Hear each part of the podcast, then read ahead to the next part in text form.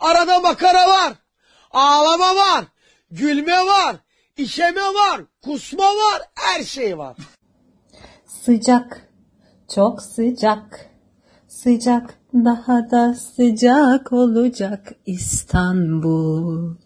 Herkese merhabalar. Daha ne kadar sıcak olabilir bilmiyorum ama herhalde 10 gündür aralıksız süren o buhran mıdır? Artık hangi hava dalgasıdır? Çok kötü bir hava var. Ee, o yüzden iklim konseptine uygun olarak bunaltıcı bir konu seçtim. Daha önce Dopsic diye bir dizi izlemiştim. Amerika'daki ağrı kesici bağımlılığını anlatıyordu. Çok etkilenmiştim, paylaşmıştım kendi Instagram'ımda. 2-3 gün önce Netflix'te top 10 listesinde bir dizi gördüm. Painkiller adı. Yine aynı konuyu ele alıyordu. Amerika'daki ağrı kesici bağımlılığı. İzledim. İki dizi de gerçekten çok başarılı. İkisi de mini dizi sanırım ya da birinci sezonları sadece yayınlandı. Yani devamını çekebilirler mi bilmiyorum zaten bu e, yeni olmuş bir olay. Yani ağrı kesici bağımlılığı değil de ağrı kesici e, şirketine açılan dava hemen hemen yeni olmuş bir olay. Şimdi o konuyu ele alacağız nasıl oldu diye. Zaten TLC falan izleyenler bu ağrı yaşamları izleyenler bilir. Hep anksiyete yaşıyorum. Ağrı kesici içiyorum. Ağrı kesici bağımlılığım var. Bu kavramlar bizim ülkemizde olan kavramlar değil. Bağımlılık var ama ağrı kesici bağımlılığı Türkiye'de olan bir bağımlılık çeşidi değil. Ben çevremde veya televizyonda veya okuduğum sosyal mecralarda hiçbir yerde görmedim ağrı kesici bağımlılığı yaşayan. İşte o ağrı kesici bizim bildiğimiz ağrı kesici değilmiş. Diziyi izlerken gördüğüm detaylardan biri. Şimdi bağımlılığın tabii son evrelerinde artık yoksunluk krizleri yaşanıyor ve o krizi önleyebilmek için tabii e, yavaş yavaş ilaçlar kesiliyor, birden kesilmiyor tedavi sürecinde. Bir sonra düştükleri aşama Xanax. Yani e, Oxycontin bu ağrı kesici, bağımlılık yapan ağrı kesici. Şimdi birazdan değineceğim. Her şey nasıl başladı, nasıl ilerledi. Ağrı kesicimiz Oxycontin adı. Oxycontin'i tedavi ederken Xanax kullanıyorlar. Yani Xanax bizim ülkemizde ağır ani kayıplar yaşandığı zaman verilen ya da antidepresana başlarken e, fenalık yapıyor insanlara biliyorsunuz vücut alışana kadar 10-15 gün. O süreçte verilen ya da işte e, ağır rahatsızlıkları olan insanlara verilen bir ilaç. Düşünün ki bu nasıl bir ağrı kesici ki yoksunluğunu azaltmak için Xanax'la tedavi ediyorlar. Öyle bir ağrı kesici. Şimdi bu olay nasıl başladı? Hemen konuya giriş yapıyorum. Her şey Arthur Sackler denilen bir adam başlatıyor. Bu adam Sackler soyadını belki daha önce duymuşsunuzdur. Bu Amerika'daki hani üç büyük aile var ya. Her şeyin başı her şeye konu ediliyor. Üç büyük aile, üç büyük aile. Gerçekten de öyle bir şey var ama insanlar dalga geçiyor ama şimdi bunu bu konuyu işlerken de hep beraber göreceğiz. Sackler ailesi. Arthur Sackler bunların başı. İlaç devriminden önce psikiyatristmiş. O dönemlerde ruh sağlığında kullanılan bir yöntem varmış. Lobotomi diye. Lobotomi ne derseniz beynin lobunun bir kısmının alınması. Nasıl yapılıyor bu? Arthur Sackler'ın bu lobotomi e, uyguladığı yıllar 1940'lar öncesi. Çünkü 40'larda bunun e, bu yöntemin ilacını üretiyor. Şimdi beynin lobunun bir kısmını alıyorlar ama nasıl alıyorlar derseniz bu konuyu araştırdım. Çünkü filmde bu konudan bahsederken bir hastanın gözüne böyle uzunca bir demir, demirin sokulduğunu yani göz yuvasına uzunca bir demirin sokulduğunu gördüm. E tabi bu nasıl bir yöntem diye araştırdım. Buz kıracağını gözün e, bir oyukluğundan sokup oradan işte beynin bir lobunu e, şey yapıyorlar, ekarte ediyorlar. Tedavi yöntemi bu. O dönemlerde e, şizofren hastalıklarında, bipolar rahatsızlıklarında kullanılıyormuş. Tabii ki bu bu ameliyat başarılı bir ameliyat değil birçok hastayı kaybetmişler bu ameliyat sonrasında. Ama e, neden bu tedavi uygulanıyor derseniz şempanzelerde sakinlik yaptığı gözlemlenilmiş. Demek ki e, beynin arızalı tarafını e, işlevsiz hale getirince sakinlik oluyor olabilir tamam ama sakinlikle beraber e, çok farklı şeyler de oluyor. Hmm, bu yöntemin mağdurlarından biri de Kennedy'nin kız kardeşi. Hayatları boyunca ondan utandıkları için bu yöntemi denemişler. Ve e, yaşamının sonuna kadar engelli olarak yaşamış maalesef. Bir Hollywood Hollywood yıldızı da var bu yöntemden muzdarip. E, velhasılı kelam çok o zamanlar popüler olan bir yöntemmiş. Arthur Sackler'a bu yetmemiş ama bu lobotomi işlemini yapmak. Çünkü hastaları bir defa yapıyor ve o hasta bir daha gelmiyor. Düşünmüş, taşınmış ne yapabilirim diye lobotomi işlemini ilaca çevirmiş ve ilaç lobotomisi yapmış ve ilaç sektörünün temellerini atmış. Satışlar çok iyi gidince bir ilaç fabrikası açmış ve Amerika'nın ünlü bir reklam firmasını satın almış. Ve Valium ilacı için kontrat imzalamış ve köşeye dönmüş. Dünyanın rekor kıran ilk ilaç satışı olmuş. Valium da psikiyatri ilacı. Reklamları da şöyle yapılıyor o dönem. İhtiyacınızın olduğunu bilmediğiniz bir ilaç. Yani ihtiyacınız var ama bunu bilmiyorsunuz. Ve bu bir ağrı kesici falan da değil, sakinleştirici. Çok zengin oluyorlar tabii ki. Yani aşırı zengin oluyorlar. Ama yetmiyor. Bunu herkesin bilmesini istiyorlar ve ne yapıyorlar? Parasını kabul eden her müziğe ismini vermeye başlıyorlar. Sanat eserleri satın almaya başlıyorlar. Arthur Sackler ismini bir miras haline getiriyor ailesi için. Dizide buna da çok fazla değinilmiş.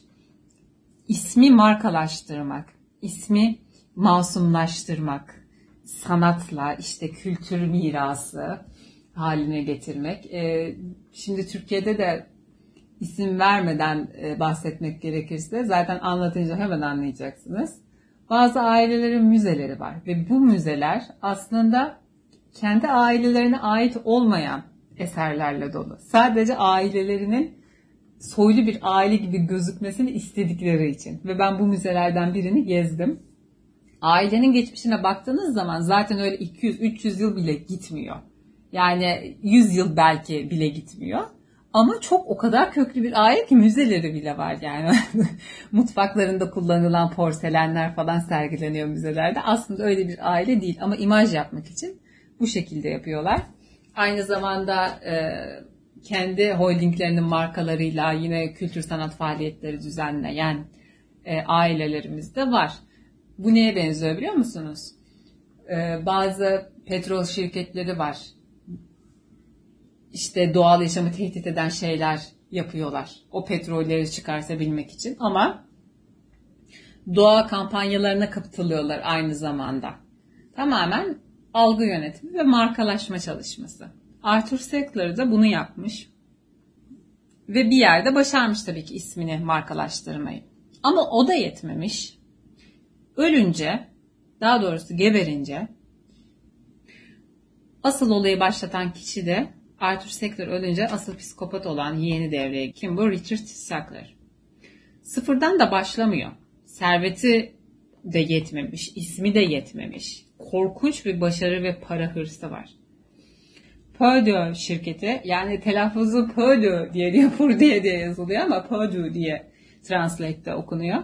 Zaten var olan çok başarılı, çok fazla satış yapan. Yani düşünün dünyanın ilk ilaç rekorunu kıran şirketten bahsediyoruz. Ne kadar para hırsın olabilir. Ama olabiliyor demek ki. Zaten e, idolü, amcası Richard e, Sackler, Arthur Sackler onun idolü. Dizide ondan da bahsediliyor. Bu şirketin sattığı e, MS Contin denilen morfin bazlı bir ağrı kesici var. Ama bunun daha fazla satmak istiyor Richard Sackler.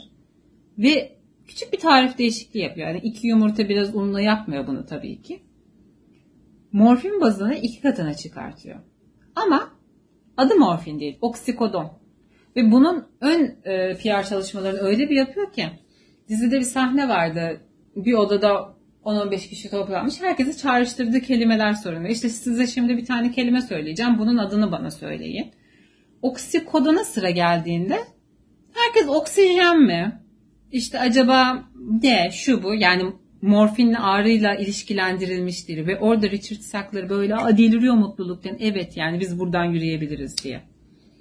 Ve öyle bir tarif düzenlemesi yapıyor ki 12 saatte vücutta salınan bir ilaç. Böyle biraz mutluluk da veriyor tabii. Ağrılar kesiliyor ama bağımlılık yapıyor ve yoksunluk yapıyor ve e, gitgide daha fazla o ilaca ihtiyaç duymaya başlıyorsun. Yani 12 saatte bir alını, alınıyor ama düşüyor o işte 10 saatte, 9 saatte, 2 tane olmasın da 3 olsun, 3 tane olmasın da 5 olsun. Öyle öyle öyle öyle devam ediyor bu ilaç. Ve öyle bir satış stratejisi yapılıyor ki ben bunu gerçekten anlamadım. Yani Türkiye'de olsa bu asla yapılamaz. Belki de bu yüzden Türkiye'de yapılamadılar. İlaç mümessilleri vardır ya. Manken gibi kızları seçiyorlar ilaç mümessilleri. Oksikontini doktorlara tanıtmaya yolluyorlar. İşte büyük şeyler, kamplar yapılıyor bu manken gibi kızların olduğu. İşte bu mümessillerin altına Ferrari'ler veriliyor. Plazalarda oturtuluyor. Müthiş giydiriliyor. O doktorlara yollanıyor. İşte nasıl doktorlarla konuşmaları gerektiğini, ilacı nasıl satmaları gerektiği konferanslarda o kızlara anlatılıyor bir, ila, bir ağrı tablosu yapılıyor. İşte doktorlara gidiyorlar diyor ki hastalarınızda bu tabloyu göstereceksiniz. Birden beşe kadar ağrısının numaralandırmasını isteyeceksiniz. İşte eğer 3 e, derse oksikontinin 60'lık, işte 4 derse oksikontinin 100'lüğünü vereceksiniz. Zaten bizim doktorlarımız doktorlarımıza öyle gidip işte bunu yapacaksın onu yapacaksın dersen seni boklu sopayla kovar. yani sen bana işimi mi öğretiyorsun diye. Çünkü biz doktorlara şey bile dediğimiz zaman hani şu ilaç bana iyi geliyor bunu yazar mısın bile dediğimiz zaman yazmıyorlar. İşte sen bana işimi mi öğretiyorsun diyen oluyor. İşte ben manav mıyım senin istediğini vereceğim diyen oluyor. Tabii bu kibir ve ego bunun içinde tabii ki var. Bizde işi yaramış bu demek. Yani belki bize ondan mı giremediler acaba bu sektör? tabii ki işin şakası. Onunla bir alakası yoktur ama yani doktorlarla ilaç mümessillerinin olan o tavrı da değişik geldi bana. Yani bizde olamayacak bir şey çünkü o yüzden söylüyorum. Gitgide bu ilaç e, daha da fazla arttırıyorlar. İşte 60, 120'li çıkıyor, daha fazlası çıkıyor. İşte doktorlara biraz daha baskı yapıyorlar. İşte biraz daha miligramını arttırın, hastalarınızı yazın falan fistan diye. Gitgide tabii ki bu büyüyor, büyüyor, büyüyor, büyüyor. Bir salgın haline geliyor. Nasıl salgın haline geliyor? artık tabii ki o reçeteyi elde edemeyen hastalar gidip parayla başkalarına reçete yazdırıyor. Artık kuyruklar oluyor böyle kliniklerin önünde. Öne geçmek için dayanamayıp ilacı biraz biraz hemen alabilmek için parayla işte güvenlik görevlilerine para yediriyor. Hemen alayım diye e, uğraşanlar oluyor. Tabii ki bağımlılık arttıkça hayattan kopma artıyor yoksunluk krizleri başlıyor. E, bağımlı ilaca ulaşamazsa ne yapar? Gider eczanenin camını devirir. Müthiş suç oranları artıyor. Yollar, yollarda serilen hastalar. Tamamen ila, e, iş hayatından kopmuş insanlar. Ve tabii ki yavaş yavaş medyada gündeme gelmeye başlıyor. Polis departmanlarında bu konuşulmaya başlanıyor. Ya bu ilaç nedir böyle diye. Ama karşılarında öyle kuvvetli bir aile var ki. Yani aile de değil o derin devlet tabii ki sistem onların onların lehine işliyor. Yani ne yaparlarsa yapsınlar karşılarına bir şey çıkıyor ve diziler iki dizide de konu işleniyor. Bunun için ciddi hukuk mücadelesine girmiş e, araştırmacı, polis departmanında çalışan insanlar var. İşin sonunda da o insanların sonu ne oldu onu da söyleyeceğim. O insanlar müthiş mücadeleler veriyorlar. O mücadelelerin sonunda da ne oluyor? Ondan biraz bahsedelim ağrı kesici salgını, bakın bu bir salgın olarak Amerika basınında bahsediliyor. Gerçekten de bir salgın. 400 bin kişi hayatını kaybediyor. Ve şu anda her gün 40 kişi ağrı kesici bağımlılığından Amerika'da hayatını kaybediyor. Hala da yani e, bu salgın devam ediyor. Netflix'te yayınlanan Painkiller dizisinde bu konudan bahsediliyor her e, bölüm başlarken hayatını ağrı kesici bağımlılığından kaybetmiş bir kişinin e, ailesi fotoğrafını gösteriyor. Bu dizide yayınlananlar gerçeğe dayalı ama yer yer kurgular vardır. Sonra bir kendi işte çocuğunu, kardeşini, eşini artık neyse onun fotoğrafını gösteriyor. Ama işte benim yakınımın hayatı kurgu değil ve ben onu kaybettim diye çok çok üzücü ve bu insanlar 15 yaşında, 20 yaşında, 30 yaşında gencecik insanlar.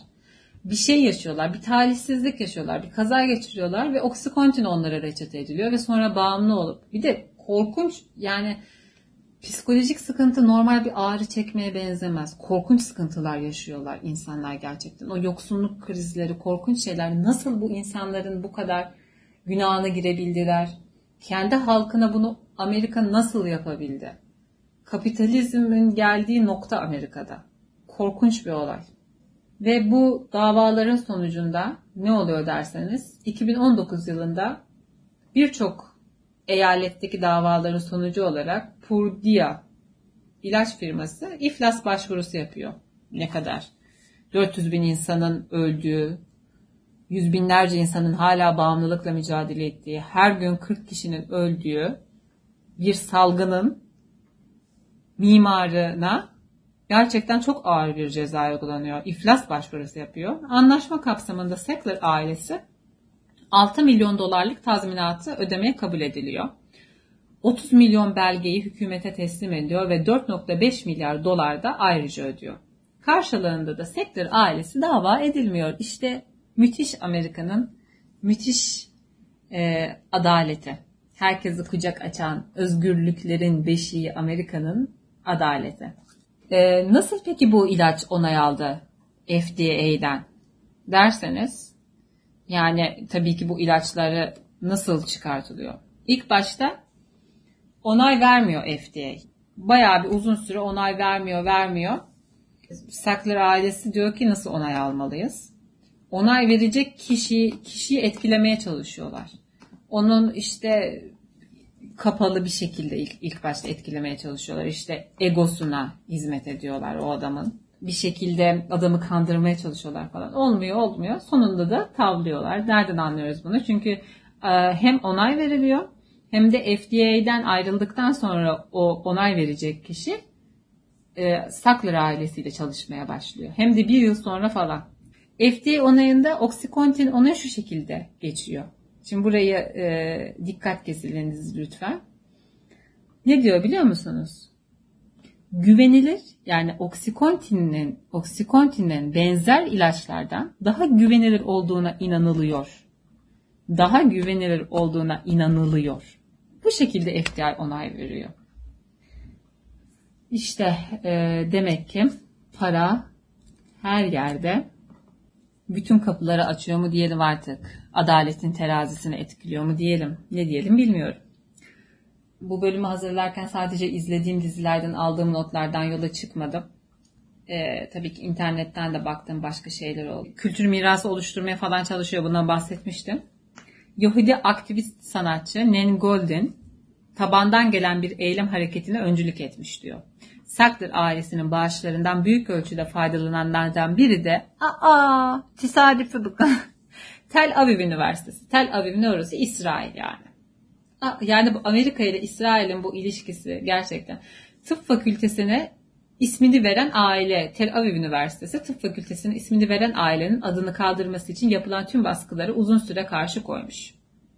Tel Aviv Üniversitesi demek ki bu e, Sektör ailesine nasıl sahiplendilerse uzun süre tabii ki bu olay olunca müzeler müzesi. İlk başta bu e, davalar sonuçlanmaya başlayınca yavaş yavaş e, Louvre Müzesi Sackler ailesinin ismini kaldırıyor. Ama Tel Aviv Üniversitesi direniyor, direniyor, direniyor. Daha sonra Sackler e, ailesinin adını silmek zorunda kalıyor. Ama Okulun halen Sackler Tıp Fakültesi bulunuyor ve internet sitesinde bulunan hakkımızda kısmında fakülteye bu ismi vefat eden her üçü de yardımsever ve Dr. Raymond Mortimer ve Arthur Sackler'ın yapmış olduğu cömert bağışlar sebebiyle verildiği belirtiliyor. Ee, Oxycontin pazara girmesinden bu yana ilaçları 35 milyar dolardan fazla satıyor. Şu anda yani tahminen Sackler ailesinde 20 tane varisi var. 14 milyar dolar servet olduğuna inanılıyor. İnanılıyor 14 milyar dolar servet. 30'lu 40'lı yıllardan beri Amerikan halkının başına bela olmuş korkunç bir aile. Davalara da e, uzaktan canlı yayında bağlanıyorlar. Yani hükümetle yaptıkları anlaşmaya bakın ve bu e, polis memurları bu tabii ki karşısında Amerika'nın derin devleti var dosya toplamak, insanları ikna etmek, ses kayıtları almak, belge almak ne kadar zor olabilir tahmin edebiliyorsunuzdur ki ne kadar suikastler de olmuştur aralarda. Dizinin bir tanesinde kadın en sonunda ağlıyor ben bu kadar belgeleri topladım, topladım, topladım diyor ve sonunda yapılan anlaşma gereği benim topladığım belgeler teslim edildi, hükümete teslim edildi. Bir daha açılmamak üzere. Yani adalet yok. Bu dünyada adalet yok. Sadece bizim ülkemizde adalet çığlıkları atılmıyor. Bu sessiz çığlıklar sadece bizim ülkemizde atılmıyor. Medeniyetin beşiği dediğin Avrupa'da da atılıyor. Özgürlüklerin ne denir? Başlangıç noktası mı denir? Olduğu yer Amerika'da da atılıyor. Bu ka- kainat paranın üzerine kurulmuş bir sistem tarafından yönetiliyor. Adalet, sağlık, her şey para üzerine kurulmuş. O yüzden günlük yaşantılarımızda karşılaştığımız adaletlerde benim gibi çok fazla direnen, mücadele eden, ya nasıl olur deyip kendini yiyen bir şekilde mücadele etme yolları arayan kerizler varsa aranızda bakın adalet diye bir şey yok. Bunu inanırsak, bunu kabul edebilirsek sanırım rahatlayabileceğiz. yani bunun için bilmiyorum artık nasıl bir yöntem izlemem gerekiyor. Ama bir yandan da tabii ki hiç sonuçsuz kalmış da değil. Yani bu e, adalet için uğraşan insanlar hiç sonuç almamış da değil. Evet hala 14 milyar dolar servetleri olabilir. Hapis yatmamış olabilirler. Ama Sackler ailesi iflas belgesi vermiş. E, 6 milyon dolar bir tazminat ödemiş. Sonra 4.5 milyar dolar ayrıca bir e, para ödemiş. Ve Sackler ailesi günümüzde korkunç bir aile olarak biliniyor. Tüm dünya tarafından biliniyor. Ve buna hizmet eden dizileri yapan senaristler, e, o dizide dizinin çeken yönetmen, o diziye finanse olan yapımcı. Her e, sanırım bölümde değindiğim bir şey medya sektörünün ne kadar büyük bir güç olduğu yine anlıyoruz burada. Ben zaten ağrı kesici bağımlılığı nedir diye yani kendi aramızda TLC'deki bu şişmanları izlerken bu ağrı kesici bağımlılığı da ne böyle diye. Yani ben tamam ağrı kesici adil keser 3-5 tane fazla alırsan herhalde uyuşturuyor diye düşünüyordum. Ama böyle bir bağımlılıktan haberim yoktu. Arkasında böyle bir derin devletin olduğundan haberim yoktu. Amerika'da neden bu kadar e, bu ağrı kesicinin e, popüler olduğundan haberim yoktu. Bu dizi sayesinde oldu. İyi ki de olmuş. O yüzden medya sektörüne ben çok önem veriyorum. Medya sektöründe var olmalıyız. Dizi ve film sektörü her zaman en çok yatırım alan sektörlerin başında olmalı. Bu konuda çok çok eksiyiz. Çok fazla eksiyiz. Yani bu e, Disney'in yerel içerikleri iptal etmesi, Netflix'in e, yerel içeriklere açılmasıyla beraber bir e, çöplüğe dönülmesi. Tamam arada güzel şeyler falan oluyor ama korkunç şeyler de oluyor. Yani dünya çapında çok izlendi dediğimiz bir romantik komediyi acip izlediğim zaman tamam gülümsetebilir. Ondan sonra tatlış biraz vakit geçiriyor olabilir. Ama çok basit olduğu gerçeğini değiştirmiyor bu. Çok basit bir film. Gerçekten çok basit bir film. Yani böyle ben alayım kağıdı kalemi elime. Bir tane kaslı, bir tane ha, ha, güzel sayılabilecek bir kızı koyayım yani yazarsın ya. Hiç senaryo yazmayı bilmeyen biri de yazar onu yani. Yani birazcık biraz daha özgün, biraz daha başarılı, biraz daha iyi işler bekliyorum. Ve e, sadece romantik komedi değil böyle gerçekten özellikle Türkiye e, dizi film sektörüne baktığımız zaman darbe dönemlerini işleyen diziler, filmler yavaş yavaş çekilmeye başlandı. Evet ama yine tam güzel işlenmiyor. Yani aslında bizim işleneceğimiz o kadar Cumhuriyet'in kurulmasında olan olaylar. Bakın Twitter'da biri tweet attığı zaman altında yüzlerce kişi küfürleşiyor. Çünkü konuşulmayan kapılı kapılar ardında olan o kadar çok şey var ki. Cumhuriyet döneminde, Cumhuriyet'in kurulmasıyla, Osmanlı'nın çöküşüyle ilgili insanların merak ettiği çok şey var. Tarihçiler farklı farklı belgeler sunup farklı tezler üretiyorlar. Bunları film dizi sektörüne taşısın biraz birazcık cesaretli yapımcılar, birazcık cesaretli yönetmenler bunları taşımalılar. Bilmiyorum ben böyle düşünüyorum. Ee, bugün böyle bir konu seçtim. Umarım beğenmişsinizdir. Biraz bilgilendik. Ee, bugün gülmedik. Ondan sonracığıma evet ama zaten ne demiştik? Arada ağlama var, gülme var, işeme var demiştik. Bugün tam ağlamasak da böyle bir bölüm oldu. Kendinize iyi bakın. Hoşçakalın.